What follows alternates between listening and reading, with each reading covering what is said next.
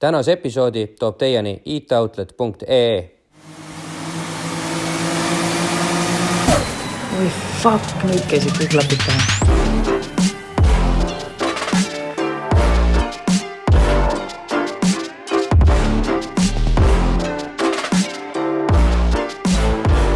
Tere tulemast taas järgmisele neljapäevale jälle siia Mammu muuseumisse, kus meid võtab vastu Arno. mina olen endiselt Janne, minu kõrval on Henri. ja, ja meie klapid pähe taskuhäälingus äh, räägime me peamiselt siis tehnikakultuurist ja eelmise saate äh, rääkisime megi tõenäoliselt ühe Eesti tehnikakultuuri kõige suurema nii-öelda kaitsjaga mõnes mõttes ja koguja või, või, või, või, või sellise hoidja, hoidjaga või kuidas see sõna oligi täpselt? pidanik. pidanikuga jah. muuseumi pidaja on muuseumi pidanik. pidanik. nii et eh, tere taas, Arno. jah, eel, eelmine saade vist äh, lõpetasime tsiklitega või sel, sellest etapist nii-öelda, kust äh, sa oled jõudnud nüüd, me hakkasime jõudma autodeni, et Just. Äh, sa olid juba seda muuseumit nagu mingil määral alustanud nende kogumistega onju. tsiklitega nüüd jätsid asja sinnapaika.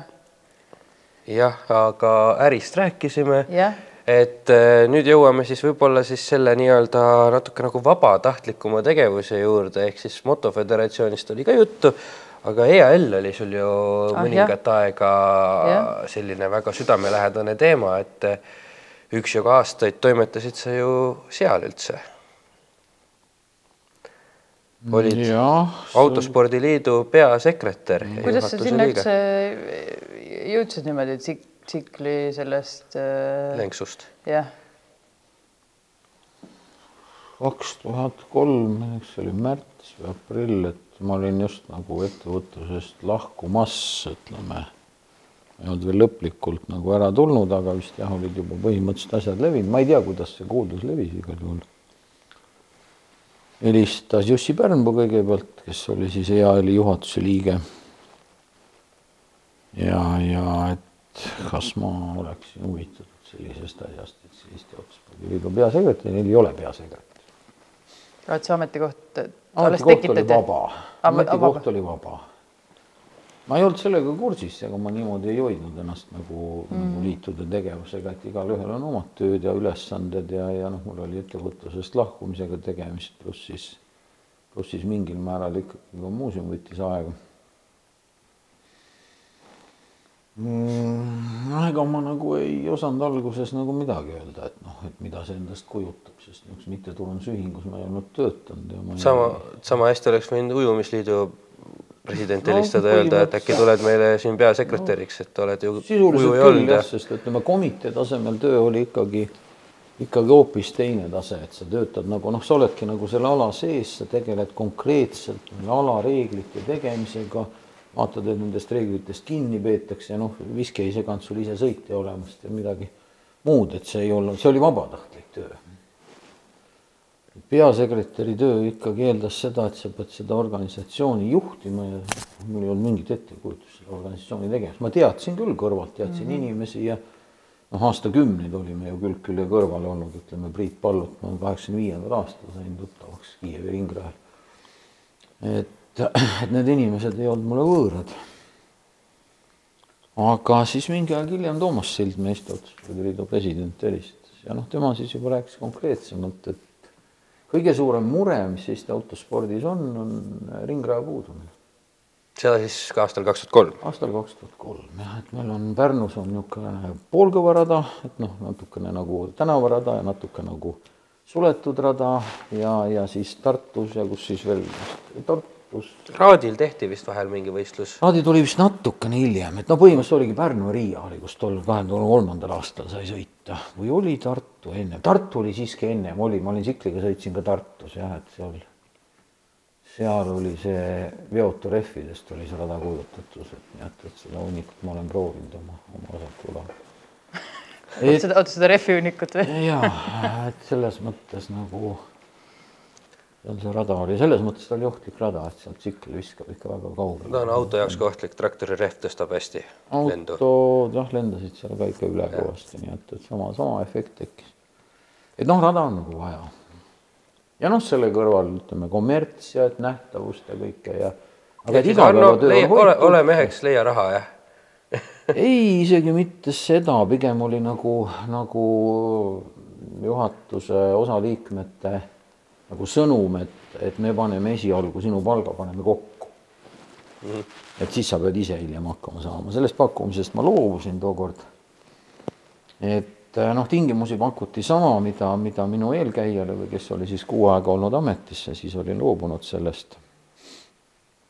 kuna aparaat töötas, Priit Pallo oli seal olnud, olnud Eesti Autospordi Liidu loomisest peale ehk siis taust oli olemas, aparaat töötas. ehk siis litsent, litsentsid väljastusid. kõik asjad, see, see taust nagu oli kõik hoitud. reeglid olid tehtud, komiteed töötasid. jah, et see oli minu jaoks võib-olla üks esimesi tingimusi, kuna ma Priitu tundsin juba nii kaua.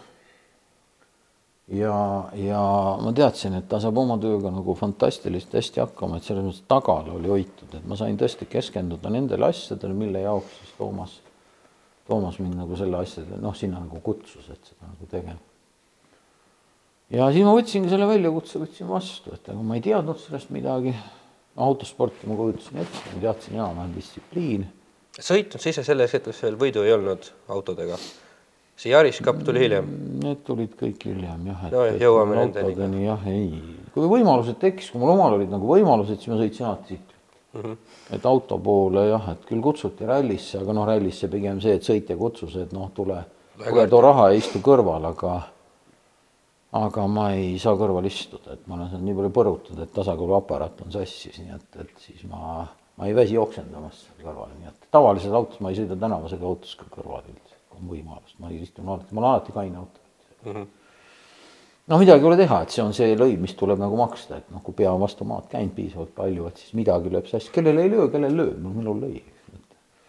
et selles mõttes nagu noh aga see muud, muud elamist nagu väga ei sega, et noh, lennata ma ei taha ja bussiga sõita, aga aga noh, tööd saad ära teha, nii et, et siis, siis ma sinna sisenesin jah, et et eks ta oli nagu huvitav, aga noh, kuna Priit mind ütleme käe kõrval viis läbi selle ala nii-öelda nüansside, nii et ja tema ise hoidis teatud nüansse nagu väga hästi enda käes, nii et, et see oligi võimalus sellele keskenduda, et mis on nagu olulised, et kust leida vahend, et teha neid, neid, neid asju, mitte see, et kust leida vahend, aga et teha teatud asju, kus selleks leida vahend, sihtpäraselt, kuidas leida vahendit. ja noh, siis kõigepealt autofirma läks ja siis sealt, siis sealt hakkas kuidagimoodi kerima, et, et ta läks, ega me kunagi ei seadnud eesmärgiks koguda nii palju raha, et seda nagu jagada. see teeb alati ebavõrdsust, see teeb alati pahandust, et et pigem oli nagu minu nägemuses oli alaliit oli nagu selline liivakast. alaliidu asi on tuua liiv, ehitada kast valmis ja panna reeglid. et, et ei kakleks omavahel, eks, noh, nagu lastel liiva, liivakastis on. ja lapsed tulevad oma leludega ja mängivad igalühel oma nurgake ja mingid reeglid on, et vot mis kellast, mis kellani mängime, kassid siin kusagil ei käi, eks, ja noh, veel mingid asjad. see on alaliidu roll me ei hakka kellelegi midagi ostma, me ei hakka kedagi väga kuhugi viima, midagi tegema aga me aitame kokku viia, me loome süsteemi, et alaliitu tahaksid partnerid panustada raha sõitjatesse, klubidesse, võistlustesse, korraldajatesse. no ühesõnaga süsteemi, aga mitte alaliitu. alaliit ei tohi jagajaks muuta, see toob alati kaasa pahanduse ja niimoodi siis noh, ütleme, et väga headel aegadel, kui majandus väga kiiresti kasvas siin ütleme kuni kahe tuhande kaheksanda aastani, siis oli vahepeal isegi neli ringraja projekti oli nii-öelda pooltöös. ütleme, Audru oli olemas, Audru oli ikkagi niisugune väike sellel hetkel, siis oli Raering, mis oleks olnud vabariiklik rahvusvaheline rada äh,, Raadiraja väljaarendamine, siis Sonda rada, ütleme rekultiveeritavate kaevanduste peale seal ühesõnaga põlevkivitööstus oli, oli valmis sellesse panustama. Masalemma rada käis vahepeal läbi, et seal ikkagi rada teha, seal on tegelikult kilomeetrine sirge on ju olemas, nii et, et et, et ideaalis oli see, et neli lokaalse tähtsusega ja üks siis rahvusvaheline rada. Rae raja jaoks äh, Hansa Leasing oma partneritega koos tegi pakkumise viiskümmend miljonit krooni okei okay,, see ei olnud niimoodi, et noh, näete. ehituspakkumise kott... või see, et nad pakkusid? ei, no pakkusid toetust, et, et nad oleks siis ühesõnaga korjanud oma partneritega selle kokku, et see oleks siis ilmselt noh, noh nimesponsori väärtus mm -hmm. ja sinnamaani veel ei jõudnud, aga et ühesõnaga head ajad olid autonduses, autokaubanduses ajas ühesõnaga raha natukene nagu üle mm. -hmm. nii hästi läks tegelikult, läks ka pankadel. no siis see pidu sai läbi ja siis me keskendusime tegelikult, Rae ringi projekt tuli kinni panna, sest noh, sinna nagu ilmselgelt ei, ei olnud võimalik saada euroraha. ja me leidsime nagu võimalused siis, et, et rahastada eurorahadega ära Auduru ring. ja tegime panuse nagu Auduru ringile, see on kõige kaugemal juba olemas, NDEP pandi kunagi loodud või õigemini taasloodud, ütleme siis see Sauga kolmnurga nii-öelda osasid elemente kasutades, siis sest nagu... ajalooliselt on teda sõidetud vist mingi neljakümne üheksandast aastast seal või? jah, kusagil oli, et Eesti ajal isegi sõideti seal mingisugusel no, kujul neid nurki. ja siis kaheksakümne, kaheksakümnendate lõpus siis NDEP on oma vahenditega siis pani selle enam-vähem selles, selles konfiguratsioonis, kus ta enne rekonstrueerimist siis oli et, et selles mõttes seal oli ikkagi juba raja põhi olemas oli, mille peale üles ehitada. Ja ja asjaolud niimoodi läksid, et sinna oli võimalik rahastust saada, paraku ütleme ühes samas voorus, sinna me esitasime ka muuseumi taotluse. ja ma ei mäleta, kas Majandusministeerium või kes seda EAS-i konkurentsi tõstmise meetme jaotust kureeris sealt helistati Eesti Autospordi Liitu, et mis on teie prioriteet. loomulikult ringrada, sest ringrada ilma üle viiekümne miljonise euro toetuseta või tähendab eh, krooni mm, -hmm. kroonise eurotoetuseta ei oleks olnud võimalik rekonstrueerida muuseumit.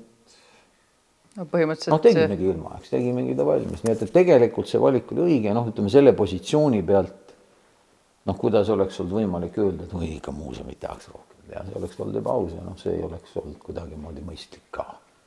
nii et see oli, see oli täiesti loogiline vastus, eks, et ringrada ja ringradaga sai, noh, pärast hiljem siin vist Käina kardirada ja vist see Tabasalu kardiraja arendajad vist olid nagu pahased, et niimoodi jäid nagu ilma, aga noh, ütleme nii, et kardiradasid. ma ei tea, kas nad olid võrdväärsed üldse? ei olnud absoluutselt mitte. kuule, üks on ringrada, suur ringrada, mida ei olnudki olemas mm -hmm. Eestis, eks kõik olid tänavarajad. nüüd on ringrada olemas, nii et, et. ja edukas. ja edukas, ütleme, see oli omaette küsimus, teine küsimus, et kes võiks olla siis see, see vedaja noh, selle nagu väljaotsimine ja noh, siis lõpuks jõudsime Andres Hallini, et no teine variant oli ikka Ikka Eriste miinuseks võib-olla oli see, et tal ei olnud sellist majandusinimest kõrval, et Peeter Raudsepp natuke teda nõustas ja tegi, aga, aga noh, tal ei olnud võimalust seda kogu aeg teha, et, et et noh, kas ta oleks ka seda, ütleme sellisel kujul tahtnud teha, et seda vastutust kõike võtta, noh, Andres oli teinud kinnisvaraarenduses suuri projekte, ta oli valmis kõik panustama, kõik munad ühte korvi. Jah, Tallinnast läks ja, Pärnusse ja elama ja kõik, et. ja müüs oma ärid maha ja selles mõttes nagu see äh, kaasas ka investoreid, eks, kes olid siis no, valmis sellesse. kui sa usud iseendasse, siis nemad äh, usuvad ka onju. jah, Toomas Sildmaa oli kõige suurem, pool miljonit krooni hoonestusõiguse tasumiseks. see oli keeruline, kaks tuhat üheksanda aasta alguses kahe kuu jooksul pead saama kokku üks koma üheksa milli kroonis ja, ja majanduskriisi kõige suurema. kõige, kõige sügavam auk, nii et ütleme, et ma käisin tuttavaid noh, automüüjaid läbi, need, kes olid siis raeringi lubanud panna sadu tuhandeid kroone.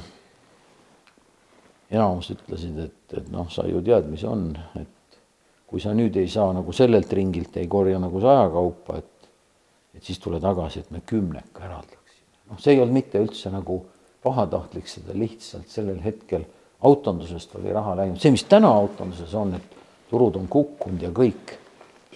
noh, Euroopa on kukkunud kõvasti, Eesti on kukkunud vähem, aga siis kukkus ühe kuuga müük, kuine müük kusagilt kolme tuhande ligidalt kukkus kuuesaja peale ja jäi sinna tegelikult praktiliselt aastaks.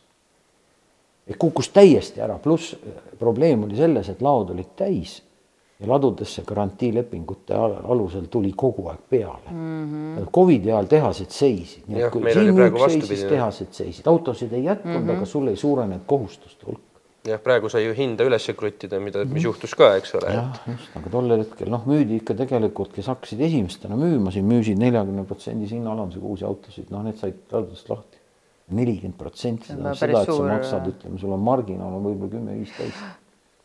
Eks sa, sa müüd, müüd ühesõnaga miinus kahekümne viiega tegelikult mm -hmm. autosid, need on massiliselt maha, sa said laos lahti, kes ei saanud kohe, noh, nendel olid probleemid, aga pankrotti ei läinud, ei liikunud seda kord keegi. aga noh, fakt oli see, et mingisse ja ringrajasse- eraldada ei olnud midagi.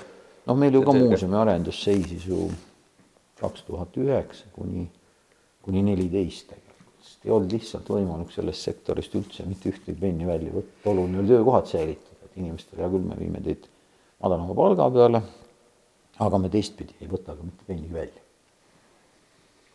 no siis igatahes kokku- rada sai tehtud, eks ole, seda ajalugu me juba kõik teame ja kindlasti tuleb meil ka tulevikus Andres Halliga mõni saade mm. -hmm. nii et seal me saame juba rääkida täpsemalt seda rajaosa.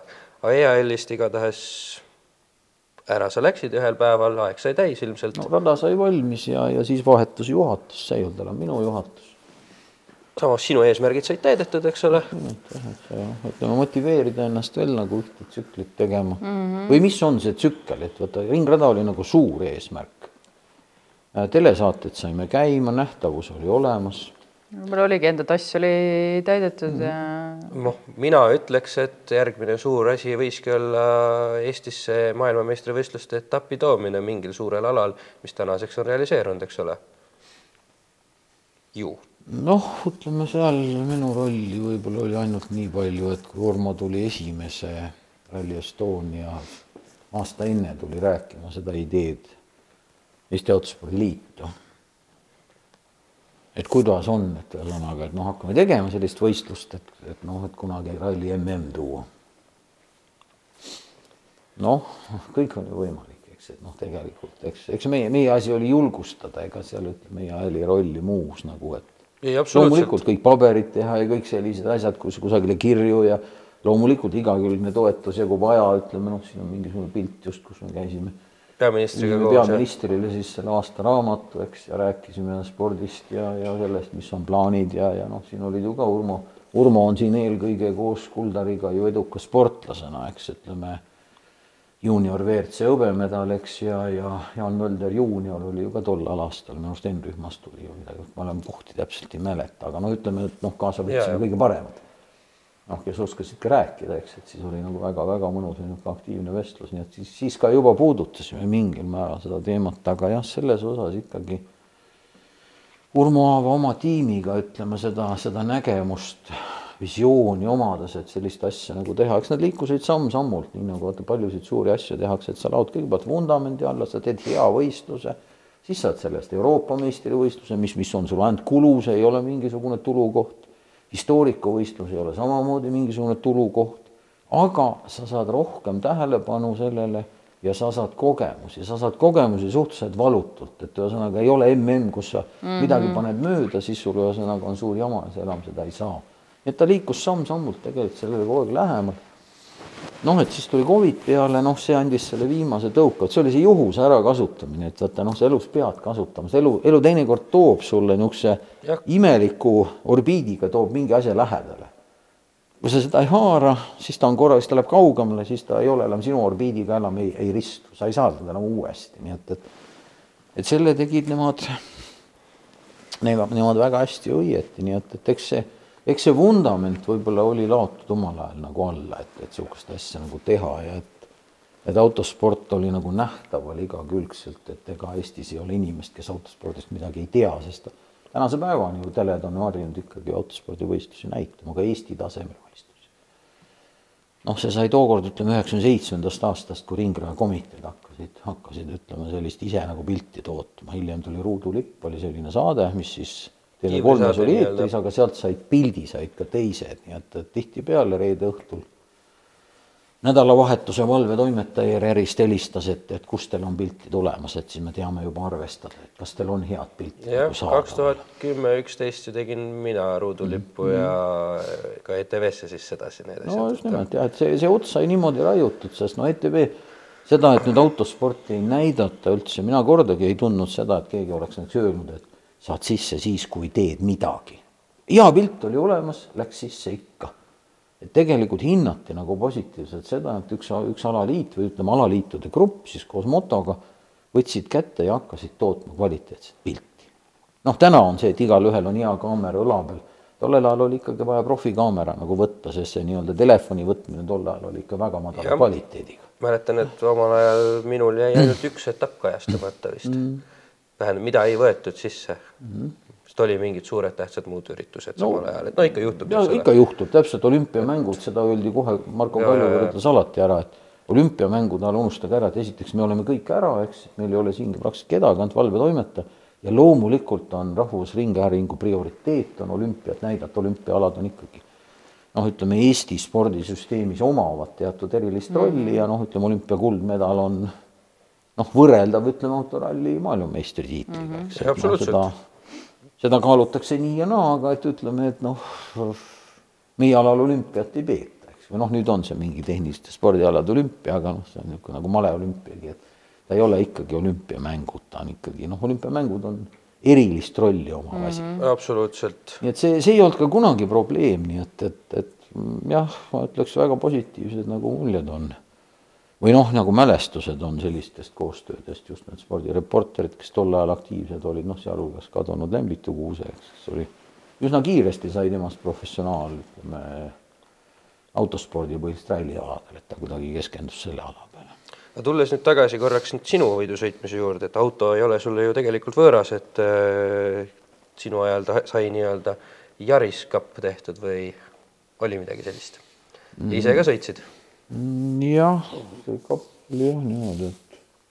kas see oli nüüd sellel ajal, kui sa seal EAL-is olid või, või peale seda? kaks tuhat kolm oli siis, kui ma läksin EAL-i esimene võistlus, siis ma võtsin, ma olin just Silveris lõpetanud ära mm. -hmm ja liikusin Pärnusse, siis otse sealt sain mingi tänukirja või sealt ja siis oli, see oli niisugune nadi tunne, et sa oled olnud aastaid, ütleme, suures süsteemis ja nüüd sa liigud, liigud nagu üksinda edasi. et see oligi nagu sihuke üksinda läksin. ja siis ma võtsin endale nagu täisprogrammi, et sõitsin autot ja motot, mis olid tegelikult täielik lollus. selles mõttes, et äh, et sul ikkagi sõidustiil on erinev, programm oli liiga tihe, ma ilmselt ei olnud nii heas füüsilises vormis sellel hetkel ja ja noh, see ütleme, tsiklitreeningutel avariis ja lõpetas mu karjääri ära, et. Mõlemad karjäärid? no ütleme, autot ma pärast veel sõitsin natuke jah, aga siis ma sain aru, et ei ole, see ei paku sellist naudingut, nii et, et mm. -hmm Mm, et, et ma olin suhteliselt katki ja noh, tegelikult märguande sain ennem, et Jaarisega eelmises treeningus käisin korra väljas, et siis oleks tulnud juba nagu endale selge pilt teha, et et midagi on paigast ära, et ma liigun nagu valel trajektooril, ma käin väljas mitu korda, et see on nagu liiga palju, et. no sa oskasid nagu ikkagi päris hästi ennast analüüsida, et sa said aru, et noh, et. jah, aga see nagu... kaks asja kokku läks nagu segamini ja siis järgmine tsiklitrenn, siis läks kuidagi kuidagi trajektoor pidurdus maha või vist läks nii, et, et maantee pealt maha tulekul siis viskas sikkel mu minema. sa siis nagu selles mõttes, et äh, peas läksid nagu need kaks erinevat ala kuidagi omavahel konflikti? ma ei oska seda kuidagi... öelda, noh, tegelikult ühtepidi oli nagu hea, et et siis mul oli see nagu see. Võiks arvata, et üks täiendab teist, on ju? ei, ta ei ole nii, et, et ega see, ega ilmaasjata ei ole noh, praktiliselt ju ainus maailmameister ju vormel ühes ja MotoGP-s on John Surtees, eks, et kui see oleks nii lihtne no see oleks neid rohkem. noh, siin oleks neid rohkem täpselt, autorallis on ju, autorallis F1-s on üks mees maailmas, kes on olnud poodiumil, on Carlos Reutemann, ainult üks, rohkem ei ole, nii et, et selles mõttes noh, alad on nii palju erinevad ja et see, see oli võib-olla lihtsalt niisugune nagu noh, tundus nagu huvitav, et noh, ma Yaarist polnud enne sõitnud, Yaaris iseenesest ta näeb niisugune mingi paras amööb välja, see tolleaegne Yaaris, aga, aga sõita oli temaga huvitav, ta ütleme, niisugust autosporti teha pidas väga hästi teel, et mingi pilt on, Karli Sauli pilt on, kus on, auto on nagu kahe ratta peal läheb, ütleme kurvis, eks me ei tunnetanud kordagi, et ta nagu käest ära läheb. aga noh, Yarise puhul oli ka see, et nad ei olnud päris võrdsed. Osa liikusid ikkagi sirge peale eest ära mitte tuulest, aga liikusid Eesti. klassikaline monoklassi värk, et kõigil on võrdne tehnika no,, ainult et mõnel on see natukene no, võimsam. mina olin nagu rendi, rendiautoga, aga kes sõitsid oma autodega, mida nad seal teinud olid, seda ma ei tea, nii et, et no mõttes... Dünod viis mootorit ära, üks on ikka parem kui teised neli ja no, see tuli mängu, see mind ei häirinud ka, nii et selles mõttes see esimene võistlus, noh, see või sinna võistlusele ma ei jõudnudki. ja siis, kui ma hakkasin käima karkudega, siis ma sõitsin linnaringi sõitsin Jarisega kaasa. ja noh, see oligi minu viimane võistlus tegelikult, et ma sain aru, et ega, ega see enam mingisugust erilist naudingut ei paku, nagu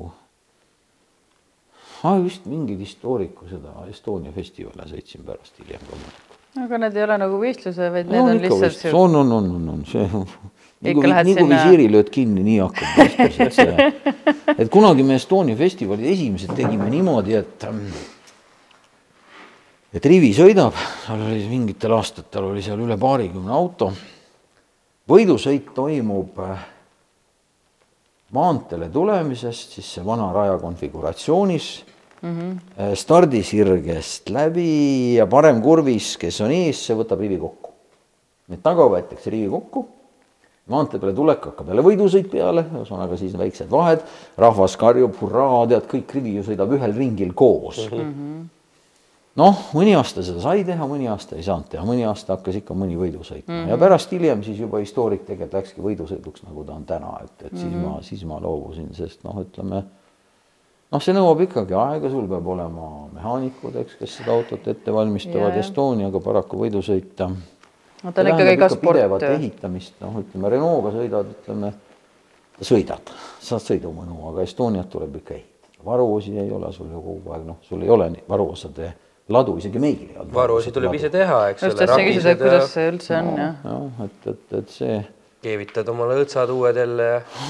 jah, kõike saab teha, aga vaata, see võtab seda sõidumõnu nagu vähemaks, nii et, et meil sõidab täna, täna on veel kolm masinat on väljas, aga ma ise ei veel erilist mõnu see on aja, ajakulu on ikka päris suur ja teiseks noh, võib-olla mõne niisuguse vanaga võiks veel minna proovima, aga, aga noh, ma ei tea ka pigem.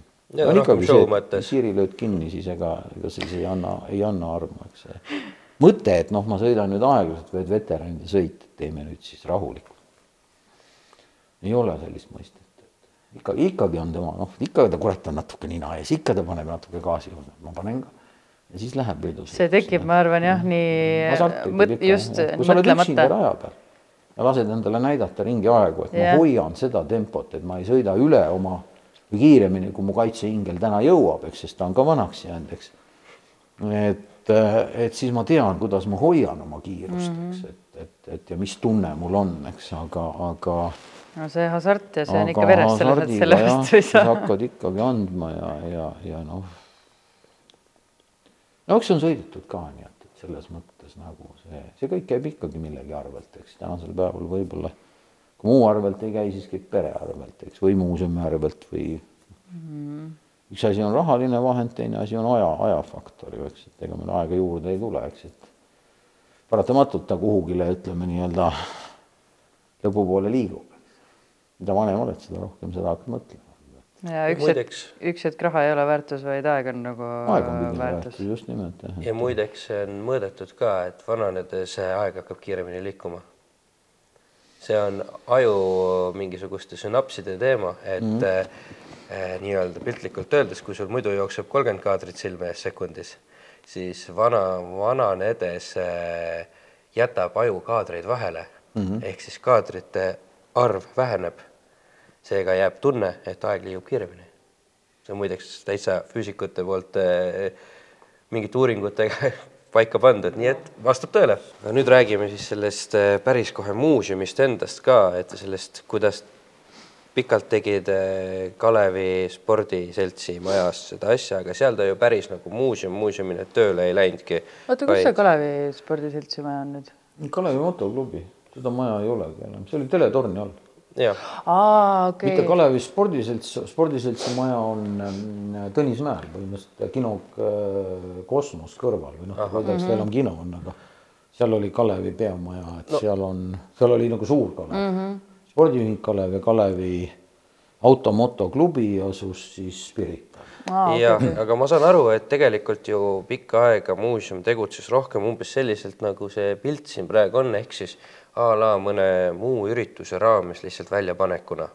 et, et muuseumina ta ju avatud kui sellisena ei olnud üldse ju aga kus, kus sa neid asju või kus sa neid masinaid ja asju nii-öelda hoidsid siis? no hoidsingi Kalevi motoklubis mm., seal ütleme üheksakümne üheksakümnendate aastate keskpaigas siis. et neid niisama nagu nende juurde ei pääsenud, nad lihtsalt olid jah, seal nad olid pigem, seal oligi nagu ladustatud, et me saime sinna ruumid mm., sõitjaid hakkas vähemaks jääma siin ütleme juba kaheksakümnendatel aastatel, see ruume tühjaks ja ja me osalesime siis kütte, kütte katmise programmis, ruumid olid meil tasuta kasutada, nii et me saime sinna vaikselt nagu korjata, aga need ei olnud kindlasti ekspositsiooniks mõeldud ruumid, need olid külmad ruumid, ütleme ja, ja või noh, suhteliselt väga jahedad ikkagi niimoodi, nii et, et see oli lihtsalt, lihtsalt hoidmise koht, kuna selleks ajaks oli saanud ka selgeks, et seda, seda klubi nagu kätte ei ole võimalik saada, et segastel aegadel läks spordiühing Kalev, ametiühingute spordiühing Kalev varad läksid Eesti Ametiühingule ja Eesti Spordiühing Kalevile, kus oli turismiga seotud midagi, need läksid siis ametiühingule, sealhulgas Kalevi motoklubi. ja mis aastal jõudsid sa siis selleni, et nii-öelda päris oma koht, siis Ellamaa elektrijaam, kus me praegu oleme? no mõte tegelikult, et peab olema oma koht, et selle inspiratsiooni ma sain nagu Soome kurvast kogemusest Soomes tehti üheksakümnendate aastate alguses tehti Helsingi vanasse trammidepoosse tehti mootorispordimuuseum, Soomes on ju seda mootorispordi ajalugu ju, tituleeritud ajalugu ju, ju kui palju, ütleme maailmameistrid ju kõigis olulistes distsipliinides ja mitte üks. aga ühesõnaga ühe poliitilise suundumusega linnavalitsus andis, andis hooned soodsalt rendile, siis tulid sotsialistid, kes leidsid, et võidusõit on kommertsala, nii nagu jäähoki ja korvpall. võidusõidumuuseum peab maksma täiskommertsrenti, mis tähendas, et poole aastaga oli võidusõidumuuseum pankrotis. ja, ja pidu saigi läbi, nii et muuseum, ma ei jõudnudki sinna, ühesõnaga see muuseum lõpetas enne, kui, kui ühesõnaga oli võimalus nii-öelda Soomes vaadata seda muuseumit kurb oli see, et päris paljud inimesed olid mingeid oma asju sinna andnud, neil ei olnud mm -hmm. võimalust tagasi võtta. Nad olid kas oma garaaži ära müünud ja midagi, et siis seal oli mõttes. päris pikka aega läks nagu aega sellega, et seda jagada ja, ja kujundused seal igasugused noh, infotahvlid ja sellised asjad, need olid AKK vanas majas, siis Soome Autospordiliidu vanas majas keldris veel, veel ütleme üks kümmekond aastat hiljem, nii et, et et siis hiljem nad lihtsalt visati minema sealt, et noh, tegelikult tohutu raisk. Mm. ja see näitas ära, et ükskõik kui hea suhe sul ei pruugi rendileandjaga olla, et, et kui sul kas hakkab väga hästi minema, renti tõstma, et see, see, need kokkulepped ei pruugi midagi tähendada, see ei ole kommerts, et ma nüüd teenin lühikese ajaga nagu mingi raha ja siis edasi saagu, mis saab, eks tegelikult siin rendiga nagu niimoodi elad, on kindlasti oma hoone kui sul on seda võimalust teha, siis sa saad teha seda, kui sul seda võimalust ei ole, siis ei ole mõtet seda muuseumit nagu teha, et see on kõige alus tegelikult, peab olema oma hoone. on ta suur on ta väike, ta peab olema oma. ja eks me, eks me siis otsisime, kui oli selge, et nagu Kalevi ruumide osas või Kalevi maja osas me ametiühingutega kokkuleppele ei saanud. eks neil olid mingid oma nägemused, ega ma ei taha neile ka kuidagi ette heita, neil olid võib-olla väga suured plaanid siis lõpuks, kui me juba siin tegutsesime, siis ikkagi Kalevi motoklubi müüdi maha. tükk aega oli ta müügis, pool miljonit eurot oli selle hind territooriumil. aga noh, siis me olime juba siia jõudnud ja aru saanud, et tegelikult noh, siin on nagu hoopis teised võimalused. ja kesklinnast ütleme noh, Kalevisse minna pool tundi, siia on natuke rohkem, kolmveerand tundi, nii et tegelikult see lõpuks ei olnud olulist vahet ja niikuinii Pirita on ikkagi turismivoogude seisukohalt, on ikkagi kõrval ta on ka ikkagi konsooli mm. otsa poole läheb, sama. siin on pigem, ütleme Pärnu maantee läheb alt läbi, eks, trass. Haapsalu maantee on kõrval, eks. Et see on võimalik neid. no väga paljud nii-öelda mootorispordi ja siuksed muuseumid kogu maailmas ju on natukene, natukene kõrval. linnadest, linnadest väljas natuke jah. noh, enamasti nad on küll mõne vana raja juures või kuskil, aga, aga jah. mitte jah, ka ainult, aga jah, tehnikamuuseumid Saksamaal ju ka Sinsheim ja Forts on ju mõlemad ju tegelikult suurtest keskustest eemal, et mm -hmm. hästi suured tehnikamuuseumid et täna ütleme linnast sõita paarkümmend minutit ei ole ju mingisugune küsimus, on olemas, aga aga eks me konsulteerisime ka, ütleme siin noh, Soome ja Rootsi inimestega ja kes selle alaga tegelesid ja tegelikult noh, nende, nende, nende ütlemine oligi pigem see, et mis te seal linnas vahite. et pigem tulge ära, et teil on oluliselt lihtsam seda teha, eks. Teil on oluliselt odavam seda Pind teha. on palju odavam, pind on palju odavam, ehitamine muidugi on kallim nojah, seda tuleb jälle tõdeda, et noh, et ütleme ikkagi linnast välja sõita, et selle ehitaja paneb ju ikkagi arvesse sisse. Aga jah, kaks tuhat seitse läbi juhuse tekkis võimalus see maja, õigemini kaks tuhat viis oli meil esimene kontakt selle maja osas, mingil üritusel, siis läks jutuks, kes millega tegeleb ja et noh, me teeme muuseumit, kus on, no väga ei ole täna kohta. mees ütles, et temal on fantastiliselt ilus hoone pakkuda sel hetkel see seisis lihtsalt siin tühjana. ei olnud päris tühi tegelikult, siin oli katlamaja. Okei okay. katlamaja andis sellele, ütleme niisuguse nagu koleda dimensiooni juurde, sest siin oli veel selline nõukogu nõukogude aegne nagu rudiment katlamajas. tänapäeva katlamaja on, ütleme, igat maha tilkuv õlitilk, et see on raisatud raha, sest selle eest klient ei maksa, soojaks see ei lähe. noh, nõukogude ajal see jooksis maha ja noh, ütleme, katlamajad olid ikka koledad aga ta ei olnud toimiv ju? toimis, toimis. Kuuekümne kuuendal aastal pandi elektrijaam kinni ja selle järel see maja nii-öelda andis sooja turba asulale. no mis tähendas, et kuuekümne kuuendast aastast hakkas hoone lagunema, sest Nõukogude hierarhias elektri tootmine oli majandushierarhias kõige kõrgem tase, ilma selleta majandus ei liigu, noh, see on kogu maailmas niimoodi. aga seda, et toota ühele asulale sooja Nõukogude loogika järgi, noh, inimese vajadused on kõige viimased. üksikisikud, kas tal on soe või on tal külm see on tema enda litsna ja tragöödia tegelikult riigi vaatest. see, et riigil peab olema vool, peab. Nii et ütleme, et see elektrijaam selle staatuse muutusega kukkus nii-öelda hierarhia põhja. nüüd ühtegi penni või noh, tollel ajal kopikat ei pandud hoone heakorda mm. -hmm. ja õnneks tegelikult viiekümnendate aasta lõpus tehti ära selle, see maja esimene ots, see laiem siin mm -hmm. tornist edasi neljakümne esimesel aastal sellest õhku. lahkuvad Nõukogude väed, mineerisid elektrijaama okay. mujalt leiti trotüül üles, Jaota lendas õhku. Torn jäi plahvatuse epitsentris püsti. ja peale tulevad sakslased taastasid funktsionaalsuse, panid, ehitasid lihtsalt telliskividest müürid ette. neljakümne kolmandal aastal tehti laiendus või selle, ütleme nii-öelda laiendusprojekt elektrijaamale, see tehti selline Albert Speeri stiilis, suured sambad siin ees ja noh, praktiliselt siia tiigini välja, niisugune ütleme õudselt kole maja. Ja peale sõda siis jätkati nii nagu oli, sest keegi ei julgenud minna ametivõimudega kooskõlastama äh, Eesti-aegse või õigemini tsaari ajal edukas olnud Aleksander Vladovski, see arhitekt, tema projekti järgi nii-öelda mm -hmm. või noh, ütleme samas stiilis laiendus, asi, kus Stalin oli läinud. Hruštšovi ajal siiski lubati rohkem niisugune tagasipöördumist juurte juurde, et ikkagi see et tsaariaeg oli olemas ja noh, ütleme ta võib-olla väga hea ja inimesi kurnati ja kõik sihuke jura sinna juurde. Aga maja sai taastatud, nad ehitati viis meetrit veel laiemaks.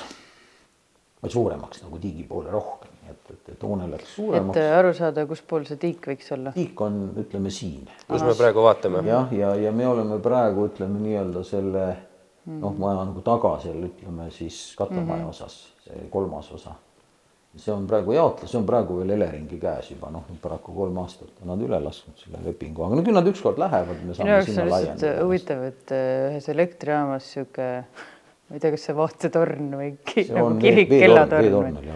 Et ühesõnaga okei. siis pumbati ühesõnaga sinna okei, üles okei. ja siis ta ühesõnaga tagas siis ühesõnaga ühtlase rõhu siis kogu, kogu asula vee. Survetorn siis. selge, no vot. et see oli ka praktiline, aga noh, projekt on jah, ega ta ei ole nagu, ta ei meenuta tööstushoonet, ta on pigem selline mõis. just, ma tahtsingi öelda, et siuksed kõrged aknad ja, ja võlvid ja et noh, et ta nagu näeb väga suursugune välja. nii et ütleme, kaks tuhat viis, kui me käisime vaatamas, tulime alt uksest sisse, käisime ringi, vaatasime, kui õline ja kole ja nõgine ja kõik vesi jookseb läbi. Keerasime selja minema, et, see siia, siin me sureme, nii et kodus tegime veel SWOT analüüsi. oota, aga kaks tuhat viis veel toimis ta. katlamaja, jah, katlamaja toimus kuni kaks tuhat kaksteist. tegelikult meiega Aga- paralleelselt. kui, kui nad nagu mõtlesid, et sa, sa käisid juba selle pilguga vaatamas, et siia midagi teha ja nad pakkusid, kas nad, mis nad tahtsid siis seda katlamaja kinni panna või, või? ei, katlamaja oli tegelikult, et siin oli nagu see, et katlamaja aga see oli mingi osa ainult sellest. osa jah, aga katlamaja tehnoloogia oli müüdud sellel hetkel juba noh, praegu see firma kannab nime NR Energy, Nikolai Reismann mm. Energy. no selle firma nagu vananimega, siis see firma oli ostnud ära tehnoloogia, nad ei tahtnud maja. Nende perspektiiv oli see, et nad ühel hetkel ehitavad siia puiduhakkel katlamaja, mille jaoks jagati eurotoetusi okei, see asub okei. praegu seal suure selle vana Est Energo remondihoone kõrval ja seal Selge. ongi, see toimib, see on siis ütleme, asula, asula keskküte on siis selle peal Okei. Nii et see Ühesõnaga, hoone, ruumid vabanesid sellest, hoone, hoone põhimõtteliselt jah, nad läksid ära, eks, aga hoone oli juba tegelikult omanikul lihtsalt kaelas, sest mm -hmm. noh, ütleme tehnoloogia ostnud ettevõte ei tahtnud hoonet mm. -hmm. no milleks sul vaja üks suurt Jaa, hoonet, kui ütleme, need vanad nõukogudeaegsed katlad olid veel suuremad, aga noh, tänapäeva kaasaegsed katlad on ju suhteliselt väiksed mm, -hmm. mis sulle annavad siis seda sooja, nii et, et et selles mõttes jah, aga kaks tuhat viis jah, meil ei tekkinud nagu mingit, mingit niisugust haaret, et siia ütleme, üks miinus oli ikkagi see, et ta on liiga suur. ja kui palju sul siis nüüd pinda on siin? praegu on, praegu avatud osal on neli tuhat ruutmeetrit, ligi neli tuhat, natuke alla nelja kui palju tegelikult ruumi oleks? no kui veel ütleme lugeda siin veel neli korrust juurde veel see, ütleme see väike osa, siis on veel kaks pool tuhat tuleb otsa, nii et kuus pool tuhat. kuus pool tuhat saaks siin täitsa muuseumit jah, teha ja noh, lisahooned ka veel, nii et kokku on üle kaheksa tuhande ruutmeetri. ja praegu oleme me tõenäoliselt ühe olulisema ekspositsiooni osa juures, ehk siis Estonia vormelid muidugi. no seda võib niimoodi öelda selles mõttes, et sellest on ju kogu see asi sündinud, sest ega mm -hmm. noh, kogu meie perelugu, eks see on sees. Eelmise- eelmisest osast on, äh, kuulda. teiseks, kui vaadata nagu suuremat pilti, siis Eesti on olnud vormelitootjate esirinnas maailmas. jah, me ei tootnud, ütleme Nõukogude Liidu vormelühtesid tootsime, aga see oli Volga mootoriga ja neli korda väiksema võimsusega kui kui Jim Clarkil tol ajal kasutada Cosworthi mootoriga, aga noh, põhimõtteliselt me tegime neid palju. ja me tegime neid hästi ikkagi praktiliselt noh, ütleme neljakümne nelja aasta jooksul kakskümmend kuus põhimudelit ja nelikümmend modifikatsiooni. ja praktiliselt iga aasta tuli üks või kaks uut asja. Liidu autotööstus pani kolmkümmend aastat ritta ühte sama jura. tuli nii nagu F1 ees läks, nii tulid Estoniad järele et see on see, mis meid eristab nagu ütleme, toob nagu esile maailmas, et vaata, et see, mida ütleme väga paljudes riikides ei ole, ei ole kodumaist võidusõidumasinate tööstust, Eestis oli kaheksa ettevõtet läbi aegade. tänaseks on nendest Kaheksa kaheksa ja esimene alustas Eesti ajal, Saar ja kompanii olid, ehitas esimesed võidusõidumootorrattad peale sõda siis järjest hakkasid autoremonditehas, siis Vihur, siis Teras, siis äh, Estek, Viro, noh siis tekkis Kaor, eks, Tallinna autoremondikatse tehasest ja niimoodi veel mõned mm. -hmm. ja, ja kõige viimane, mis selles reas tekkis, oli AYR, äh, Aare Ülo raamid.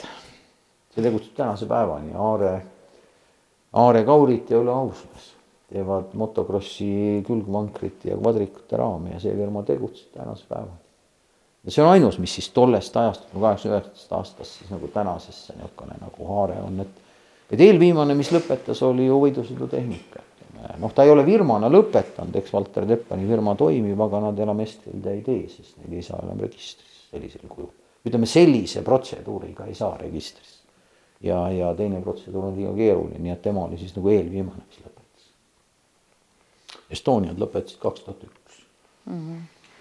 ja palju siis, mitmendal kohal me siis maailmas oleme? täna peaks olema selle tuhande kolmesaja kolmekümne ühe autoga kuuendal kohal maailmas. ja kes kõige rohkem on teinud? tatuus, mis Ehk toodab siis- tänase päevani vormel neljasid, nii et vormel Renault olid kõik tatuusid, vormel neljad on tatuusid ja noh, nad toodavad veel kus, mingist- mis, mis Itaalia toot. ja seal siis vahepeal on neid vormel kolme tootjaid ja veel veel teisi, nii et, et Ferrari jõuab meile järele viiesaja aasta pärast umbes. heal juhul, kui siis veel autosid tehakse, nii et, et vaevalt, et nad rohkem neid tegema hakkavad. et me tegime neid ikka väga palju, päris uhke tunne tegelikult, ei teadnudki sellist asja. et maailma suuruselt teine ja ise nii väiksed on ju. jah, noh, tollel ajal me olime suured, me No tootsime jah, ju jah. neid autosid tegelikult ju kuuendikule maakerast, eks kakssada kakskümmend miljonit inimest põhimõtteliselt, eks sealt täiesti tuntav osa võidusõit, eks mm. Aga kus kõik Estoniad on siin olemas ka? osa, osa masinad, no mis üksikeksemplaris tulid, noh, neid ei olegi olemas, eks ühest tehti teine ja teine siis nii-öelda kusagil lammutati kunagi ära. ma mõtlen seda, et kas need kakskümmend kuus on nagu seeriatootmises olnud mudelid? ei, need on lihtsalt järjest esimest betooniat, mis pildi peal on ja millest ka siis see väike pedaalauto on tehtud. Noh, ei ole koopia ega mudel, aga enam-vähem selline, kusjuures ka samas tehases peaks olema tehtud. ühte ja kahte tehti kumbagi üks, siis juba Estonia kolme tehti kolmkümmend seitse tükki juba Dossafi tellimusel, ehk siis kaitseministeeriumi allasutus siis hakkas tellima. ja edaspidi seal järjest jookseb ka neid mudeleid, noh, Estonia kuus sportauto praktiliselt valmis ei saanudki, tähendab, see jäi jooniste tasemele. aga paar aastat hiljem tegi konstruktor Kalle Keel koos ühe partneriga ehitasid kaks sportautot mida tehas siiski lootis ka nagu tootmisse lasta, et see oli nagu Estonia kuue niisugune edasiarendus, aga noh, Moskvas leiti, et sellist sportautot ei ole Nõukogude Liidu inimesel vaja. noh, et need oleks siis olnud, ütleme, mida oleks mm., mis oleks tänavu legaalsed yeah.. Need mõlemad on ka alles veel, ütleme, et kaks tükki, mis tehti, nii et, et ta ei ole nagu Estonia kuus, aga ta on justkui sellest nagu tulnud siis... samas tehases ja sama tehnoloogia. on nad Eestis või on kuskil mujal? Eestis täiesti, üks on meil hoovi peal vedeleb üks ront ja teine on siis konstruktoril endal kodus, nii et ta valmistab seda muuseumisse toomiseks loodetavasti ette, nii et on juba Aa. mootor on peal, mootor on juba restaureeritud, nii et, et Kalle Keel on see mees, kes on täiesti tuntav osa neid Estoniaid loonud mm,. konstruktor, et kolmekümne neljanda aasta mees, nii et täna täiesti, täiesti triksis-traksis restaureerib oma autot ka kunagi siia välja panna, nii et, et see läheb ka nagu Estonia rivvi, nii et me ilmselt mingil hetkel peame paadid viima ära. leidma nendele teise koha, et laiendada ikkagi Estoniate väljapanekut, et see kroonijuveel on täna natuke kitsalt. jah. ja mille juures me praegu oleme? siin istume. Estonia kakskümmend on siis ütleme tagantpoolt lugedes, no kokku kakskümmend kuus oli, et juba nii-öelda lõpuaja auto. ütleme selline kaheksakümnendad aastad oli siis selle auto, auto tähe läinud Etta Raavik. kunagi sõitnud mees sõitis selle üle-eelmise aasta lõpus Estonia veteranide kokkusaamisel ka sisse. tal oli seljas siis see Metalexi kombinesoon kolmkümmend neli aastat hiljem, nii et, et ütleme, see on ka omaette saavutus, et sa mahud oma kunagisse kombesse sisse, et sa oled nii heas vormis, eks, nii et et selles mõttes noh, igal autol peaaegu on oma mingi selline nimeline lugu, mõnel on isegi neid nimesid tegelikult päris palju. aga kui palju sul üldse nagu eksponaate siin väljas on, oskad sa umbes öelda? Natukene on nüüd tabelitega, ma ei ole päris nüüd update inud, et kuna kaks autot tulid veel juurde, kas kakssada viiskümmend kaks või kakssada viiskümmend üks autot, mootorratast, paati, karti. no see on liikuvaid asju mm. -hmm pedaalautod ei lähe sellesse arvesse. ja, ja no lisaks muidugi ilmselgelt igasugu kombed, kiivrid. ja, ja no nüüd on kõik, see mudru on jah kõik ära. kuidas see muuseumi elu käib, siin on nagu need, need on kellegi omad, kes on lihtsalt toonud nad siia siis äh, või on need sinu, sinu omad või? no viiendik on deponeeritud mm -hmm., ülejäänud on siis MTÜ Eesti mm -hmm. no, Mootorispordi Ajalugu omad, Eesti Mootorispordi Ajalugu MTÜ on siis selle muuseumi nii-öelda haldaja ja, ja, ja, ja hoone omanik ja mittetulundusühing, nii et mm -hmm. kaks tuhat kaks sai loodud. nojah, ma pidasingi seda silmas, et noh, sina oled lihtsalt selle muretseja või no,, või peremees nii-öelda. juhatuse üks liikmetest, nii et selles mõttes noh, ei ole omanik, et see on, see on vale staatus. ma ütlengi, peremees. ettevõte ja no ma olen kuraator ei, või kuidas pidanik, pidanik, õigus pidanik. pidanik jah, no pidanik on niisugune rahvakeeli kuraator, et sa pead kõike tegema ja noh, pead mhm. muuseumi mm -hmm.. nojah, selle nimetusega ma olen rahul, et see omaniku nimi, see ei, ei vasta üldse tõele, sest omanik on ikkagi. mis sa arvad, kas äh, kõikvõimalikud äh, asjad äh, on Eestist siin olemas või on tegelikult midagi, mis võiks ka kuskil veel peidus teadmata olla või? mida oleks hädasti vaja siis? Eestist ma ei tea, aga et üks mingisugune võib-olla varasem Estonia vormel, tõenäoliselt Estonia kolm võib olla Leedus ühes kohas. ma olen saanud kunagi juba aastakümnete eest, kusagil sajandi alguses sain mingid kehvad, noh nagu tol ajal need telefonipildid olid sihuke udune. niisugused ümarad vormid, kuna noh, omanik ütleme, elab, elab Inglismaal ja tema isa siis nii-öelda need pildid tegi ja saatis et kuidagi ei ole sellele ligi saanud, aga see võib olla, ma ei tea, seal ei ole proportsiooni näha, see võib mm. olla ka mingisugune mootorratta külgkorv, see võib olla mootorrattakonde, see võib olla isegi pedaalauto tegelikult, et sellest ei saa üldse. no see pidi ikka päris halb pilt olema, et sest nagu kohe nii suured need no kahe tuhandendate alguse mobiiltelefoni no siis oli pildid, et noh. mobiilipildid olid ikka nigelad No jah, ja seda inimesel küll. ilmselt oli ka vanamoeline telefon, et kuidagi ta seal tegi, eks nii et, et nii et ma sellest jah, rohkem ei tea, et juba ütleme, üks kümmekond aastat ei ole mingit kontakti olnud, sinnamaani ma ikka iga aasta tuletasin ennast suvel meelde, et kas nüüd poeg on tulnud, et vot läheks nüüd vaatama. et noh, võimalik, et seal ei olegi päris seda, mida me sealt mm. loodame näha, et selle tõttu ka see, see ütleme, ligipääsemine nagu, nagu takistus või müüdi see kusagile mujale, aga kusagil ei ole välja tulnud, nii et, et, selles mõttes neid Neid varasemaid Estoniaid on tõesti vähe, kuna meil on joonised olemas, siis me oleme mõelnud selle peale, et võib-olla teha. aga me tahaks leida mingisugused jupid, et on millestki teha, nii nagu ütleme, Venemaal Moskvas tehti Estonia kolmest, mis oli Ekaterinburgis enne. Seal olid läbi, läbi kõdunenud äh, metallraam, eks, ja mingid kõverad rattad ja rool oli siis ainus, nii et, et aga noh, kui toru on, ütleme, ära roostetanud, ma ei tea ühtegi restauraatorit maailmas, kes toru restaureerib võtab No, uue toru vastu jah, läbi mõeldud, jah. nii et, et ühesõnaga see, mis seal, kandev osa oli nii kehvas seisus, et seda, seda ei olnud mõtet nagu, nagu taastada, nii et ehitati ikkagi raam uus, nii et noh, siis saab alati panna selle roostes raami riputada kasvõi õige asja kohale või replika no, kohale, eks ole, öelda, et näed. see seltskond väitis, et nad on nagu selle täiesti nagu noh, restaureerinud, nii et ega ma ei taha kuidagi öelda, et see vale on või, või, või paha, nii et me oleks ise ka valmis samamoodi ilmselt tegema, ei no ma nagu mõtlengi, et kui oleks niisugune raam olemas, et siis saaks kasvõi selle kõrvuti panna. ja just nimelt jah, Näed. aga me ei taha nagu nullist ehitada, et see ja ma nagu saan täitsa saan aru ja see ei ole nagu siis, siis ei ole seda meie päris asja ise seal teame, et sees. see ei ole see õige, eks see noh, see ikkagi on noh, joonised on küll olemas, aga see on ikkagi küllalt siis ajamahukas. siis sa nimetad seda juba rep-, replikaks või no ühe replika tegemiseni me ilmselt lähiajal jõuame, on Dakariga mass mm. -hmm. et see oli siis see kuuekümne neljas number, mis meil oli puudu, sest aastakümneid ma otsisin nagu Venemaal taga, et kus kohas nagu võiks olla need, need Dakari masinad ja kaheksakümne kaheksandal või ütleme, kahe tuhande kaheksateistkümnendal aastal sai selgeks, oli kolmkümmend aastat esimesest siidisest sõidust, siis oli ta seal Naberis nii et Tšelnõis tehases tehti siis suur näitus, see oli nagu kõik põhimudelid väljas. ja esimeste aastate masinad ka ja, ja siis mul oli tol ajal veel oli üks kontakt seal, see mees on tänaseks surnud. helistasin, küsisin, et kurat, et kuidas oli. kogu aeg räägiti, et teil pole, et uspakoisse et replika, need tehti ainult nii-öelda väliselt nagu kleebiti täis, eks ja ja siis oli nagu selge, et tegelikult neid isegi ole, noh uuemad on neil kõik olemas, sest noh, tulevad sõidust tagasi ja need on ju arvel kõik, aga need esimeste kohta käis igasuguseid lugusid Venemaal tookord, küll need müüdi maha sõjapealikele, seal küll müüdi sõbralikele sõjapealikele, küll müüdi vaenulikele, et tekitada ka teiselt poolt turgu. Võta sa kinni, mis see tegelikult, kuidas, mis nendega juhtus, need sõitjad andsid võtmed ära vastutavatele isikutele ja nemad lendasid tagasi ja oligi kõik.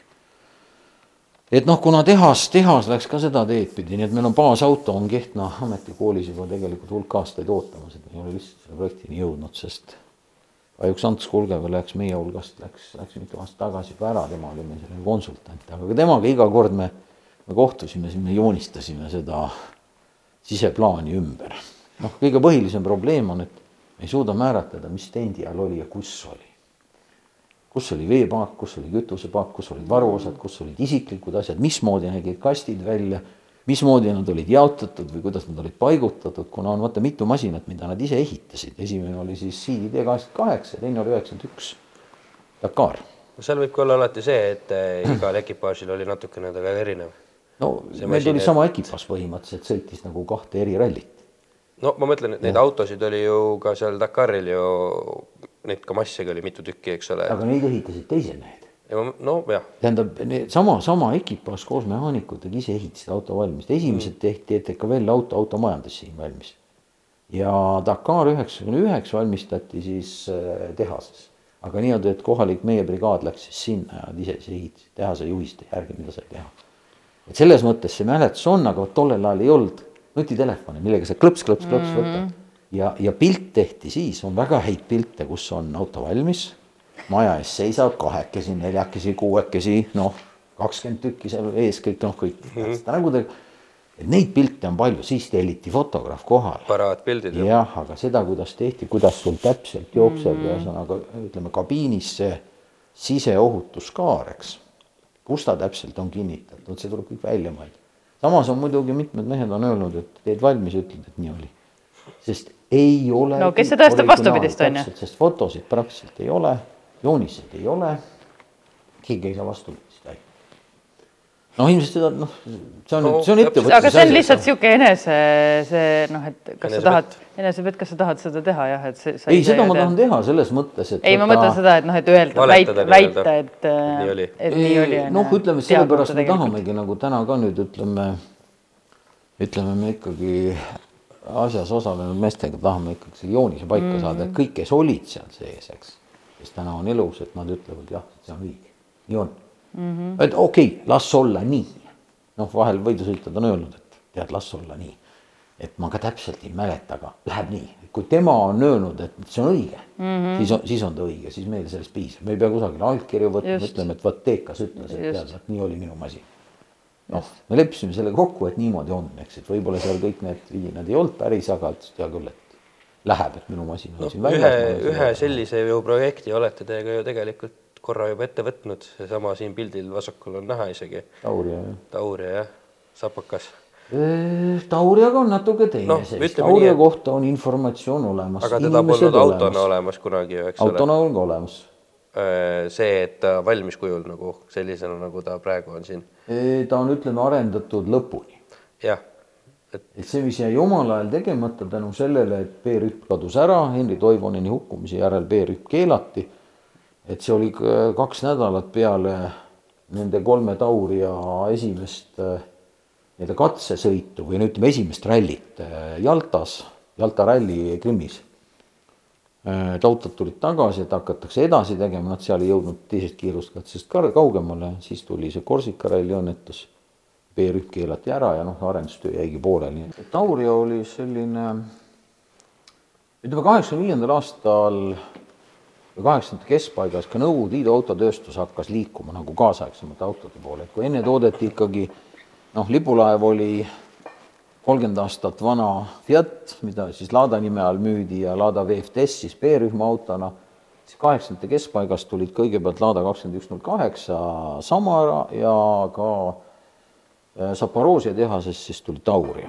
ja kuna äh, Vilniuse tehas oli juba Samaraga nii-öelda prototüübi teinud uue VFTS-i jaoks, uue B-rühma auto jaoks, siis, siis Tallinna mehed ministrid nagu autobaasist Kalle Keele juhtimisel siis otsustati, et me ei lähe sama teed, aga valime siis järgmise Nõukogude Liidu autotööstuse uusversiooni, noh, Taurial olid eelseeria autod valmis saanud, kõik raamnumbriga alla saja või VIN-koodiga alla saja.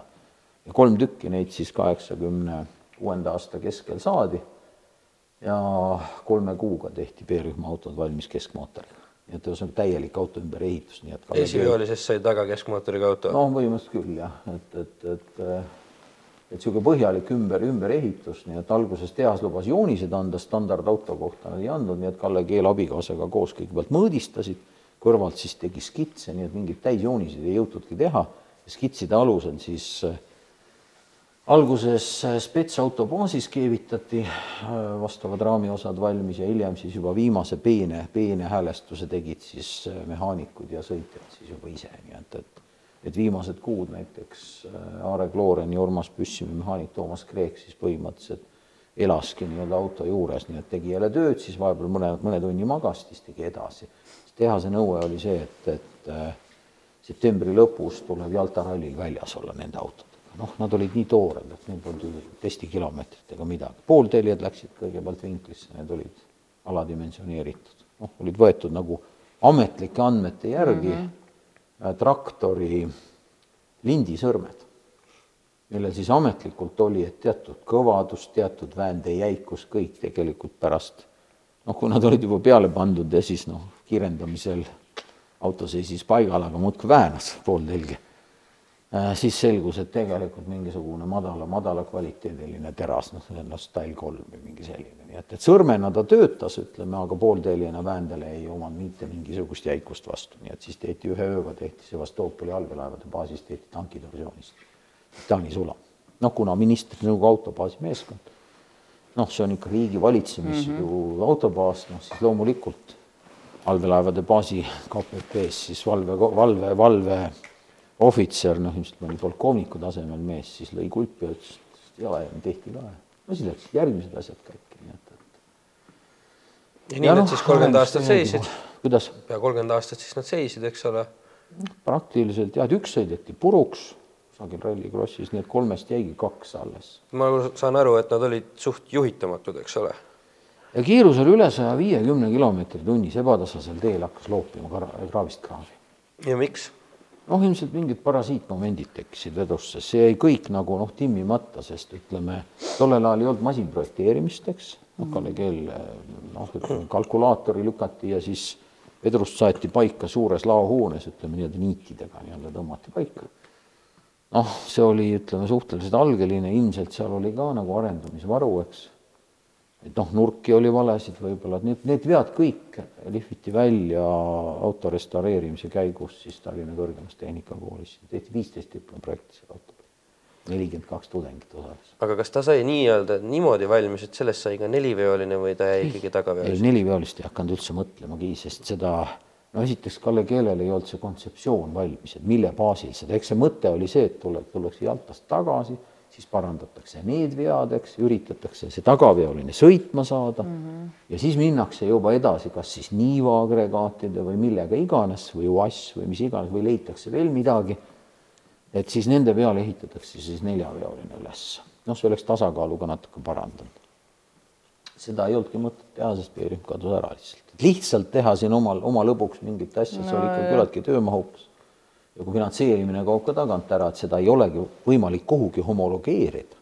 no seda ei ole vaja nagu jah? siis ei ole teda vaja, nii et, et siis ta lihtsalt noh, ütleme loksus kuidagi või need kõik kolm loksusid kuidagi Rallycrossist läbi, ühel pandi, vist veel samal oligi vist null kaheksa esisild pandud, et see hakkab parem olema, ei olnud parem.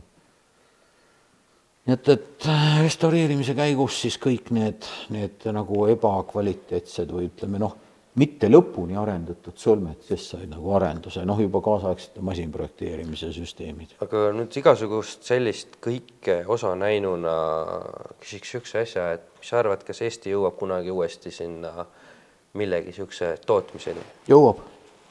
Penoplastis on olemas siin meie juures. selle asja nimi on Kalana mm. -hmm. Hiiumaalt Kalana küla järgi saanud nime Tõnis Vanaselja on selle projekti vedaja, rahastaja, hing, idee andja. tal on, tal on olemas nagu selles vajalikus kolmnurgas, tal on idee, tal on vahendid ja tal on ka abilised. ta ei ole üritanud seda, et me nüüd teeme põlve otsas, teeme puhast Eesti toodet, et kaasame Eesti inseneri, kellel täna ei ole enam kogemust sellise asja tegemist. ei ole seda taset jah, ta on, see on, need on, need on kaasatud, on parimad mm -hmm. maailma parimad spetsialistid äh, põhiliselt Itaaliast mm, -hmm. kus siis tehakse teatud sõlmed valmis, aga see kogu kontseptsioon on ikkagi made in Estonia, nii et see aasta ma usun, et see kalana saab ratastele. mis Mul tast täpselt tuleb, eks see kontseptsioon on tal võib-olla ka natukene muutunud, et alguses vist oli toruraam, nüüd on juba monokokk ja ja, ja et see, mul on usku sellesse, sest insener juhib, insener rahastab tead, ta on juba päris visioon. kaugele ka jõudnud, et ja. sa siit enam ei jäta pooleli ka no, selles mõttes tõenäoliselt. ei ole ei ole nagu mõtet, eks mm, -hmm. et, et nüüd on tegelikult ju see veel, veel edasi natuke jõuda, siis on seda võimalik tegelikult ka turustada. sest see, et sa teed omale, ütleme nii-öelda elutoas hoidmiseks niisuguse ägeda auto, noh, seda võib-olla üks inimene maailmas võib-olla ostab, võib-olla ostavad kaks. aga kui ta on sul hea, ta liigub hästi, ta on kiire, võib-olla Nürburgringis mingisuguses oma klassis suudab luua, lüüa ka rajarekordi, eks et ta on tänavalegaal ja teistpidi sa saad temast ka sport, ütleme võistlusmasina teha. et see võib olla Eesti tulevik, sest see on väga inseneritöö mahukas. meil ei ole see mitte kuhugile kadunud, see oskus. ja teiseks ta on väga töömahukas, aga ta on käsitöö mahukas. eks see tegelikult ütleme, selliseid masinaid tehakse käsitööna siiski, pannakse kusagil kokku, et siin ei ole vaja suurt koostööliini, kus töötab kolm tuhat inimest, nagu omal ajal ütleme Eestisse, kui BMW tehast taheti siia saada, et kolm tuhat inimest on kohe vaja koostööliinile, meil ei ole neid võtta lihtsalt. ja meil ei ole ka turgu, aga vot sellisele autole see turg ei olegi, ei pruugigi siin tõenäoliselt see, seda ei olegi siin tõenäoliselt, ma arvan väga. no ütleme, ma olen aru saanud, et vähemalt esialgse nägemuse järgi vist, et umbes miljoni, miljoni dollari peal on, ütleme, tüki hind mm. -hmm. jah, ja selliselt sa teedki teda viis tükki aastas võib-olla et, et miks mitte, ei või mõni ka Eestisse jääda. ei noh, jah, aga see ei ole massituur, ega see maailmas ei ole ka sellise auto mm -hmm. ostjaid palju, aga noh, kui ostetakse Paganisid, siis ostetakse ka selliseid, nii et, et või, või köönisekke, nii et, et ta tegelikult mm -hmm. ilmselt nendest jääb ikkagi nagu tuntavalt odavamaks, eks. selles mõttes on rohkem laiatärbe auto, nii et, et kes nagu sellist autot endale luba, lubada saab, siis ta võib seda nagu rahulikult minna ikkagi nagu noh, nii-öelda mõnusalt nagu lahti vajutada absoluutselt, aga tegelikult on meil alati lõpetuseks ka üks küsimus veel küsida, sest noh, praegu saime ju üsna positiivsete toonidega siin. mida ei tohiks oma autoga kunagi teha? see on väga üldine küsimus, igaüks vastab nii, kuidas ta. mis see sinu, mis sinu arvates? autol on hing mm, -hmm. tema eest hoolitsema, ta on nagu noh, kui sa oled ta nagu mingisugusesse sootsiumisse võtnud või mingisugusesse ringi, äh, siis sa pead teda kasutama, tema eest hoolitsema, teda noh, ütleme nii nagu pereliigetki mm, -hmm. sest kui sa seda ei tee, ta sul lihtsalt pudeneb käest ära, ütleme nii nagu sa ei kasvata oma koera, noh, ta kasvab sul kurjaks, eks ta mm -hmm. läheb kuidagimoodi, ta ei ole sinu oma, ta ei allu su käskustele, auto täpselt samamoodi, et sa pead teda kui, kui, kui temaga juba, kui sa oled juba nagu aja pühendanud selle või ütleme, raha pühendanud, sa tema endale hangid, vot siis sa pead tema eest ka nagu hoolt kandma ja hoolitsema ja vastutama tema eest, ta paituma aeg-ajalt. kui sa ära ta unustad, siis, siis ta sulle vastab samaga, et siis ta tegelikult sellel hetkel, kui sul on teda äkitselt ühel hetkel vaja üle pikkade aastate, siis ta sul ei käivitu või on mootoriplokk lõhki näiteks, jahutusvedelik on võib-olla vesi jäänud sees või mis, mis iganes, nii et. jääb haigeks, ütleme nii. jääb haigeks ja sureb ära tegelikult, et lihtsam on teda siis juba viia, viia ümbertöötlusse, nii et, et, et eks nendel ka, et seda eluiga ja seda tsüklit on võimalik tegelikult lõpmatuseni pikendada. kuni elektriautodeni, elektriautode puhul ma ei ole sellest täna veel nii veendunud seal on veel arengut vaja mm, -hmm. ütleme veel sada aastat võib-olla või noh, võib-olla kiiremini. sisepõlemismootoriga auto on tegelikult igavene no, ütleme vanaisalt lapse. põhimõtteliselt jah, sa vahetad ainult seal no. mingisuguseid no,, parandad. jah, tahtsingi öelda, et küllalt on ju neid käekelli või uure, mis käivad ju ja, mitut sajandit juba, mõned uurid mm. -hmm. sul on vaja lihtsalt seal mingit tükki vahetada, mis on täiesti tehtav, on ju aga kellel teist on teie esimene nutikell alles ja igapäevaselt veel kasutuses? ma arvan, et mul ei ole nutikella kunagi olnud mul on alati olnud üles seada, ma juba aastaid ei kanna kella. no esiteks on telefon, teiseks noh, kell kuidagi, kui sa teed nagu teatud noh, ütleme päevas päris tuntav osa pead tegema mingeid mm -hmm. töid, midagi tassid, midagi teed noh, ütleme füüsilise... hea kell võib saada viga, eks, et noh, esiteks, mis, mis mõte sellel siis on, eks, et see ei ole selle juurde ei kuulu ja noh, ütleme osta endale lihtsalt mingi ajanäitaja käe peale. noh, selle jaoks on telefon, mul on vaja vaadata midagi, ma panen endale meeldetuletuse, kui ma mm -hmm. tööd teen, eks, või midagi muud, et ma saan nagu aja, ajatelje peal, ma saan ennast hoida. ja noh, kell, noh, kell on ju teatud määral ju ka ehe, eks, et see ainu, ainus ehe, mida meesterahvas nagu kandab mm, -hmm. eks. kak-, teine ehe abielusõrmus ja kell öeldakse no. abielusõrmust mul ei ole ammu enam, et aga noh, abielusõrmus on ka näiteks töö tegemisel. ei, seda ei saa kanda jah. ja, või jah. et see, see oht, et ei no kas või see, et ta võib ju minna kõveraks ja jumal, ma ei tea, kuskile kinni jääda no, ja nii edasi. see, et need... sa jääd kusagil jääd vahele ja sa ei saa enam sõrme kätte sealt. sugulane hüppas veoauto kastist välja ja jäi sinna ja. naela taha ja, ja tõmbas no, koos lihaga valmis. ma mõtlengi, et tegelikult on selles mõttes, et tööd tehes oh, no, see on küll esimene ohutustehnika, et sul on hea, kui sul on käed paljad. Ja teiseks, et noh, pikijuukseid mm. ei ole mul juba ammu enam, et, et, et ma võidusõidu aja algusest peale ajasin ennast paljaks, siis oli nagu mõnus. suvel palav, aga jube vastikus algul sügeleb, no suvel ikkagi noh, üle kolmekümne kraadi ja see nahast kombe seljas ja kiiver ja tuled maha, aga siis on tead, tõmbad märja rätiku pähe endale ja noh. Nii et mis me võtame siin Arnoga jutusest ajamisest kaasa? aja juuksed maha. Aga Arno, aitäh sulle meid siia kutsumast siia väga ägedasse kohta, kuhu ma kutsun ka teid äh, tutvuma Eesti siis äh, autospordi ja motospordi ajalooga, et äh, eriti hea, kui te saate tulla siia niimoodi, et olete kokku leppinud ka äh, mõned tunnid Arnoga isiklikult, kes kindlasti suudab teile väga põhjalikult ja väga huvitavalt rääkida täpsemalt, mis siin on ja miks nad siin on. jah. aga aitäh sulle ja. alati valmis. ja järgmise neljapäevani. jah, head aega